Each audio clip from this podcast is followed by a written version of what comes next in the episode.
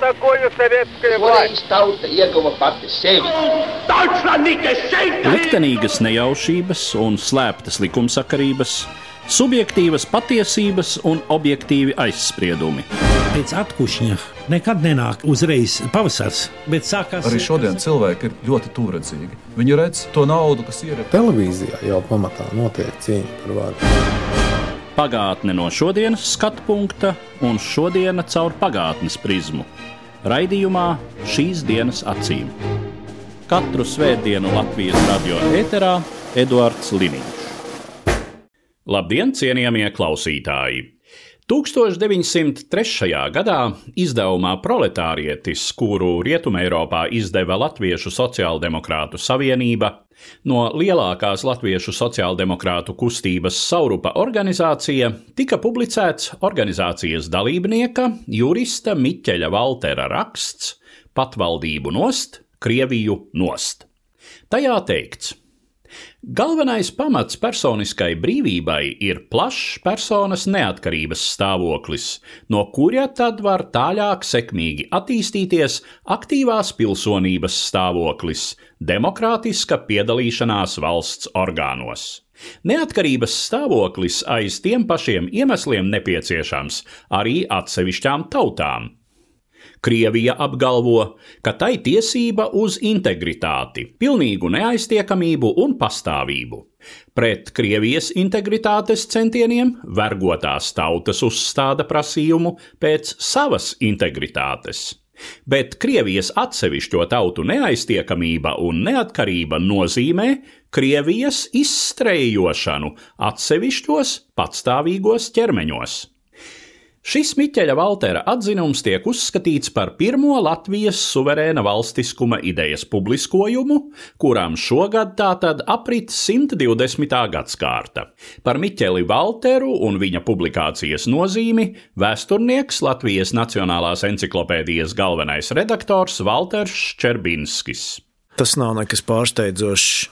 19. gadsimta beigu, 20. gadsimta politiski aktīviem latviešiem, jo faktiski tāds vienīgais politiskais spēks ir šie sociāldemokrāti, kuru ideoloģija balstās apsvērumos par šo netaisnīgo dzīvi par grūtajiem apstākļiem un likumsakarīgi, ka lauvas tiesa no pirmajiem latviešu politiķiem nāk tieši no šādas vidas, ar šādu pieredzi, gribētu teikt, tā vide, no kuras viņi nāk, ir dažāda.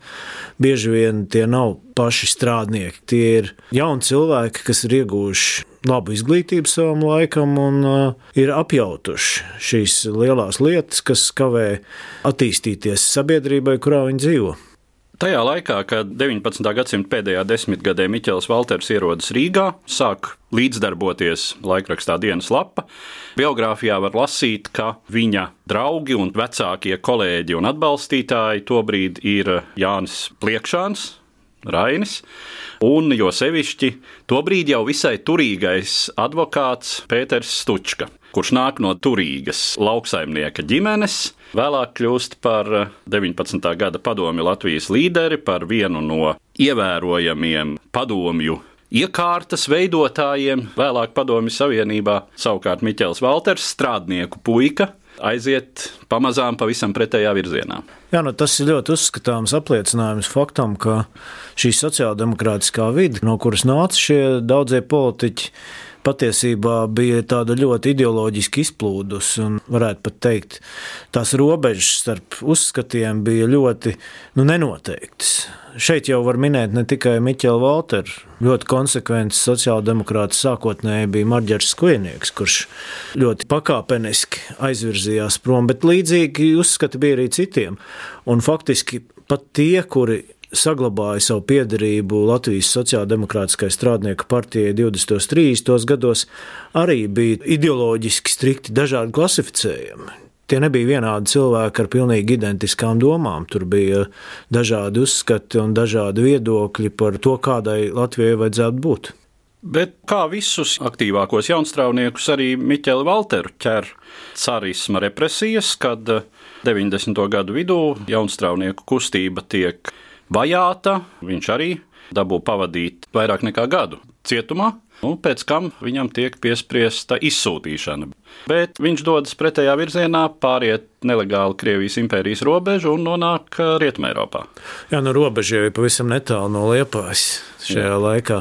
Bet ir skaidrs, ka šis virziens vilināja daudzus jo patiesībā šīs sociālisma šūpulis jau bija Rietumē Eiropa, un no otras puses Rietumē Eiropa tajā laikā piedāvāja diezgan brīvus, liberālus dzīves apstākļus pat politiskiem entuziastiem, kur uzskati nesakrit ar tā laika tādiem valdošiem virzieniem. Nu, sociālisti pilnīgi noteikti atrada vietu, kur brīvi darboties, studēt, mācīties un attīstīt tālāk savas idejas tieši Vācijā, Lielbritānijā, Francijā, Šveicē. Miķeļa Valtera gadījumā tā bija Šveice.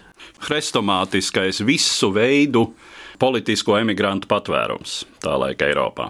Tas jautājums, kas tādam vienkāršam Valtera biogrāfijas lasītājam varētu rasties, jā, nu labi, aizbēg no Krievijas kā politiskais emigrants, vēlas studēt un ir ar visnotaļ nepieciešamajām dotībām, bet no kā viņš var pārtikt tur nonācis. Šie sociāldemokrāti, kas nonāca rietumos, protams, saskārās ar šo ļoti triviālo izdzīvošanas jautājumu, tas tika risināts dažādi, bet tika meklēti dažādi darbi, protams, pirmkārt. Protams, nebija viegli atrast šos darbus, un šie dzīves apstākļi rezultātā daudziem no emigrantiem nebija vienkārši, bet katrā ziņā liela daļa nodarbojās ar rakstīšanu, tādā veidā nopelnot sev iztiku, rakstot arī vietējiem izdevumiem. Šādi panāca to, ka bija iespējams ne tikai iztikt, bet arī uzsākt studijas. Un vēlāk, neatkarīgās Latvijas laikā, varēja lepoties ar diplomiem no dažādām cienījamām augstskolām Rietumē Eiropā kā arī Miķels Valters, kurš pabeidza Cīrihas augstskolu. Viņš studēja jurisprudences tiesības. Jurisprudence bija tuvākā nozare, kas palīdzētu izprast un meklēt risinājumus tam, kā izveidot valsti par kuru sapņoja šie sociāldemokrāti emigranti. Un to mēs varam atkal redzēt ne tikai Miķeļa Valtera gadījumā, bet daudz citi. Latviešu sociāldemokrāti emigrācijā tieši pievēršās tiesībām.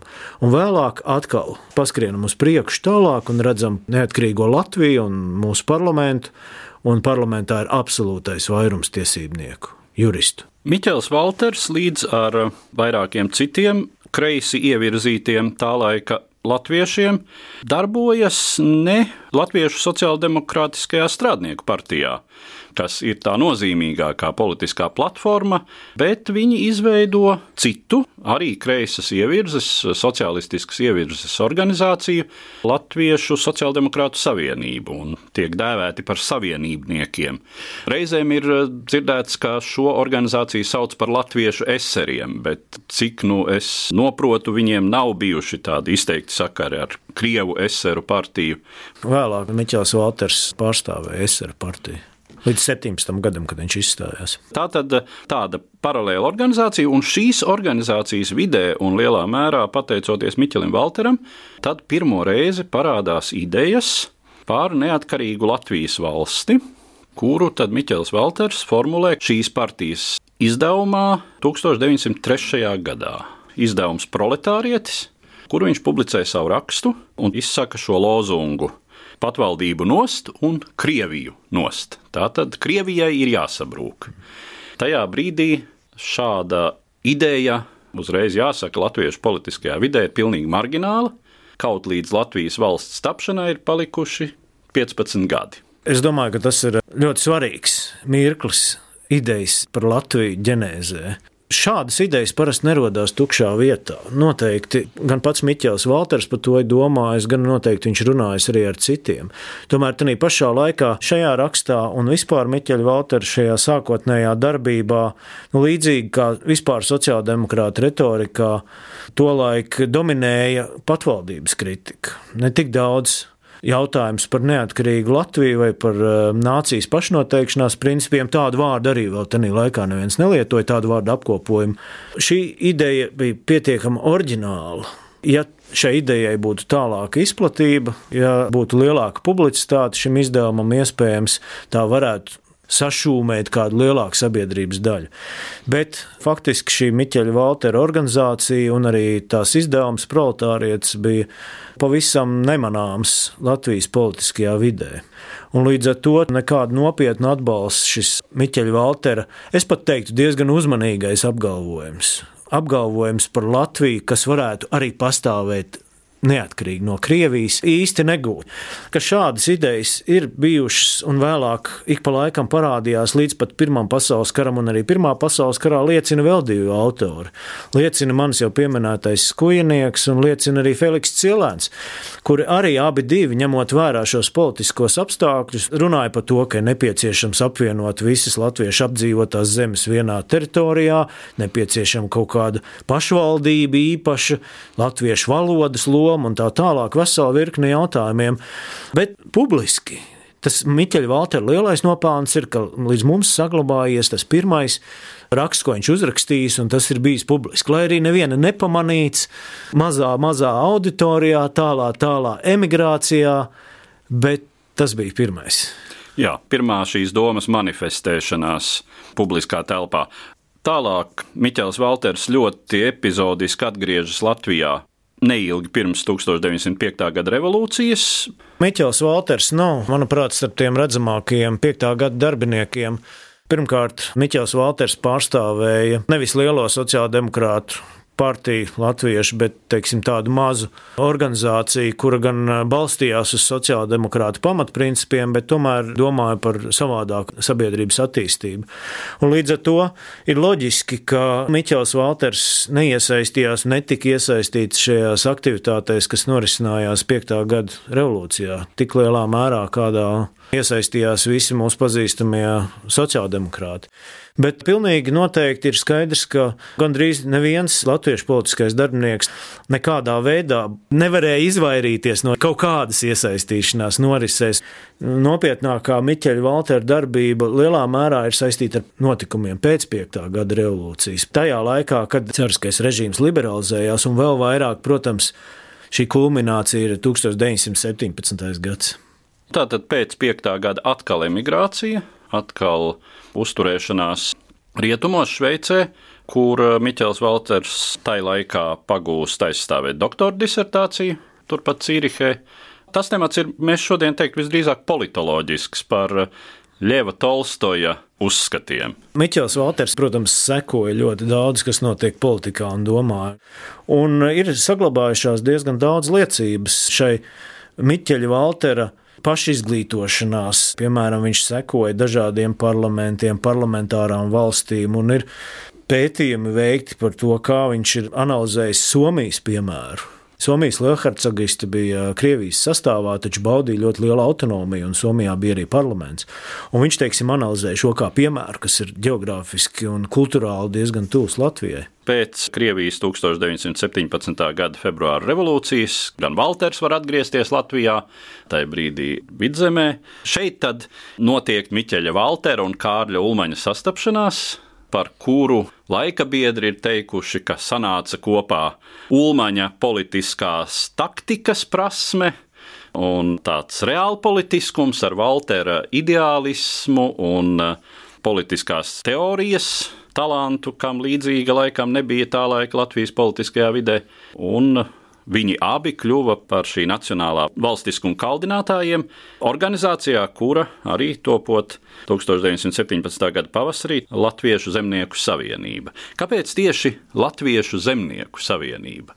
Kāpēc šis politiskais akcents uz zemniekiem?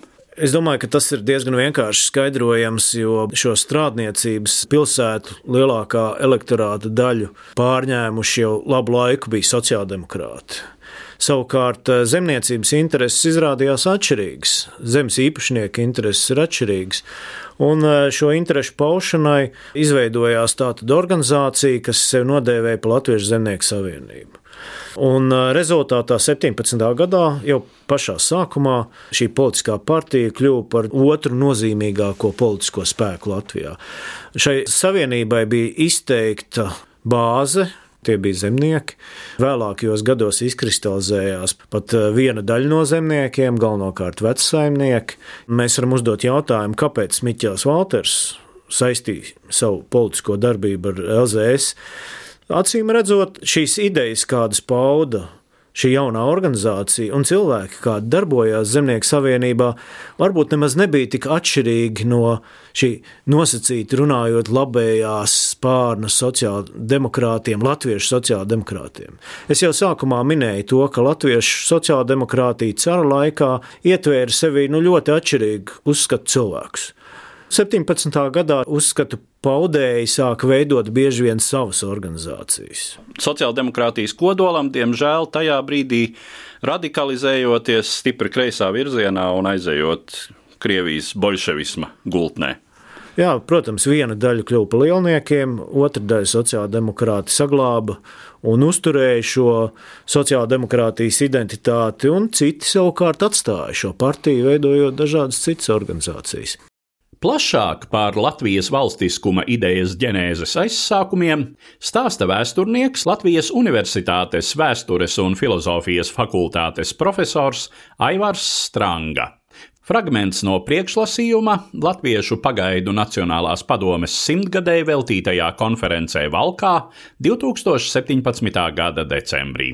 Doma par savu valsti kaut tikai autonomijas formā latviešu vidū bija radusies ļoti vēlu. Vēl pat 5. gadā autonomijas prasība nebija revolūcijas galvenais lozungs. Lai arī tā brīža svarīgākā un lielākā partija, Latviešu, te svarīgi vārds Latviešu sociāldemokrātiskā strādnieku partija, 95. gada jūnijā savā otrajā kongresā bija izteikusies par plašu politisku, saimniecisku pašvaldību demokrātiskā Krievijā. Bet cik plaša un kāda tieši būtu šī autonomija, pašvaldība, nebija skaidrs, jo galvenais lozungs bija nost caru demokrātisku Krievijas republiku un satversmes sapulci. Arī otra partija, Latviešu sociāldemokrātu savienība, jeb savienībnieki, Valtera vadībā, bija izteikušies par plašu Latvijas politisku un nacionālu autonomiju, taču viņa ietekme bija mazāka nekā sociāldemokrātiem, un cik plaši šādai autonomijai būtu jābūt, arī viņi neizstrādāja. Nu, godīgi sakot, tā būtu nu, teiksim, ratu jūšana pirms zirga, ja viņi pirms carisma gāšanas un Demokrātiskās republikas nodibināšanas izstrādātu jautājumu par autonomiju. Taču tieši sociāldemokrātu emigrantu vidū 15. gadā Šveicē nāca jau konkrēts, detalizēts Latvijas politiskās autonomijas projekts, kuru bija izstrādājis sociāldemokrāts, vēlāk ievērojams mazinieks un ārlietu ministrs, 5. gada kaujinieks, kurš bija piedalījies arī tādā ļoti cēlā notikumā, kā bija novērsis ebreju grautiņu Rīgā 5. gada oktobrī Feliks Cielēns. Sielens izstrādāja Latvijas autonomijas demokrātiskā Krievijas sastāvā projektu. Tik plašu un detalizētu politiskās autonomijas projektu neviens latviešu politiķis vai ideologs vēl nekad nebija radījis. Tā bija gandrīz vai autonomas Latvijas demokrātiskā Krievijas sastāvā konstitūcija, kura paredzēja arī Latvijas pievienošanu kurzemē un vidzemē, vietējo parlamentu, Latvijas saimas vēlēšanu uz diviem gadiem, Minoritātiem paredzēja citēju visiem Latvijas robežās atrodosamies tautu mazākumiem kultūrālu nacionālu autonomiju, pat savu karaspēku, kas saucās tautas milicija, un citēju milicijas vadošais ģenerālis tiek ievēlēts no vietējas saimas. Tā vēl nebūtu pilnīga neatkarība no Krievijas, taču tā būtu politiska autonomija un ļoti plaša. Savukārt Rainis 16. gada aprīlī jau skaidri izteicās par federālu Krieviju. Tā bija ārkārtīgi svarīga prasība. Latvijas politiska autonomija ar savu valdību un parlamentu Krievijas Federālā republikā. Cik plaši Cielēna un Raņa projekti bija zināmi Latvijā, tas šodien ir grūti noteikt. Par Latviešu sabiedriskās domas centru bija kļuvušas bēgļu organizācijas Krievijas iekšēnē. Un 15. gada 5. septembrī Maskavā sāka iznākt jauns laikraksts, dzimtenes atbalsts, kuram pienākas ļoti izcila loma šīs domas attīstībā. Laikrakstā strādāja talantīgi latviešu literāti Viktors Eglītis, Satis Kieniņš, akurāters Ernests Blanks un arī Linards Laicens. Lai arī Latviešu Nacionāla demokrāta partija bija savs centrs Valmjerā, Valkā un Cēsīs, daudz svarīgāks notikums 17. gada pavasarī bija arī šeit, Valkā. 12. maijā Valkā tika nodibināta Latviešu zemnieku savienība. Vai uz to LNDP, Latviešu Nacionāla demokrāta partija, bija atstājusi kādu ietekmi, grūti spriest. Bet iespējams šāda ietekme nebija pat vajadzīga. Latviešu zemnieku savienībai bija savs izcils ideologs, viens no pirmajiem ideologiem, pats Mikls Valters. Un arī Latviešu zemnieku savienība izteicās par Krievijas federāciju. Un kamēr Latviešu Nacionāla demokrāta partijā bija pārsvarā inteliģenti, Latviešu zemnieku savienībā vasaras beigās jau bija 18,000 biedru. Turpinājumā pievērsīsimies profesora Strangas priekšlasījumā minētajai Raņa lomai Latvijas suverenitātes domas attīstībā un šīs domas nozīmei paša dzēnieka uzskatos. Par to literatūras zinātniece Latvijas Universitātes literatūras, folkloras un mākslas institūta pētniece Gundega Grīnuma. Jau no 1895. gada, kad Rainis šķīrās no dienaslapas, Jau pilnīgi skaidri bija iezīmējusies tā robeža šķirtne viņa ļoti ambivalentajās attiecībās ar viņa biedru, draugu, ienaidnieku loku. Sociāldemokrātu vidē atšķirība, protams, lielā robeža šķirtne attiecās uz tautības jautājumu. Rainim jau tajā laikā bija pilnīgi skaidrs, ka marksisms, šķiru cīņa, protams, tas dod ļoti liels impulsus sociālās atbrīvošanās cīņai, bet nekādā gadījumā nav pieņemams kā dogma. Rainis ienesa savā izpratnē par marksismu ļoti daudz citu paralēlu akcentu, un galvenais šis garīgais moments, kas viņam no sākta bija ļoti svarīgs. Viņš sabiedriskajā cīņā pirmkārt ļoti lielu akcentu lika uz individuālismu klātbūtni. Otrakārt, viņš daudz domāja par apziņas, sajūsmas, varonības klātbūtni, par emociju klātbūtni, 5. gada situācijā un revolucionārā cīņā vispār.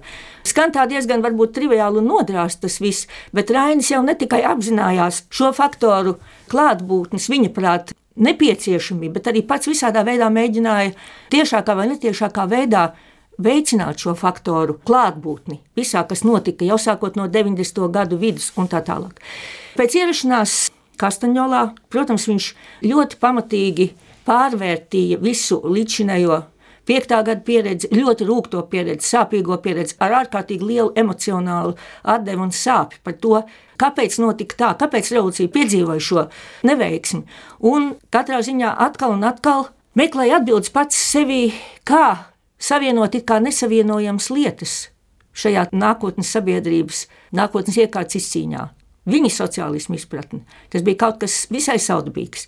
Un ir ļoti, ļoti nepareizi identificēt sociālismu mācību tādā tradicionālā izpratnē ar to, kā Rainis redzēja šo sociālismu kā nākotnes iekārtu un ceļu uz to.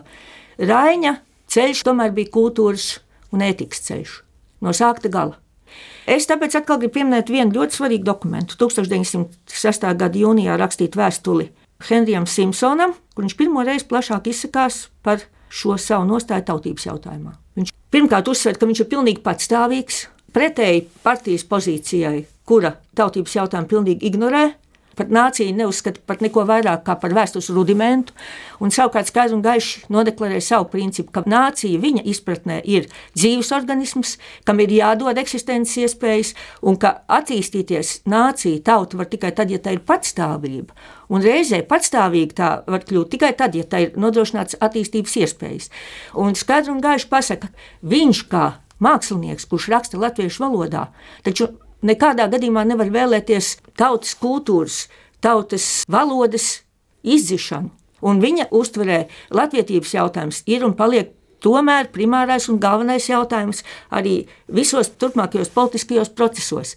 Pamazām, pamazām viņa izpratne par to, kā būtu jāveidojas Latvijas nākotnē, tā īsti iezīmēs. Nav sevišķi daudz dokumentu, kuros tas ir izlasāms. Un arī šie dokumenti ir jālasa, manuprāt, ļoti uzmanīgi iezinoties situācijā. Mēs pārāk daudz no Rāņa prasām, lai viņš izteiktos tādos mūsdienīgās vērtējumos un kategorijās, un neņemam vērā to reālo situāciju, to aktuālo dienas momentu, kura brīdī Rāņš ir vai nu savā dienas grāmatā ierakstījuši kādu nozīmīgu domu vai atziņu par šiem jautājumiem, vēl jau vairāk, ja tā ir nonākusi līdz publiskajai apritei.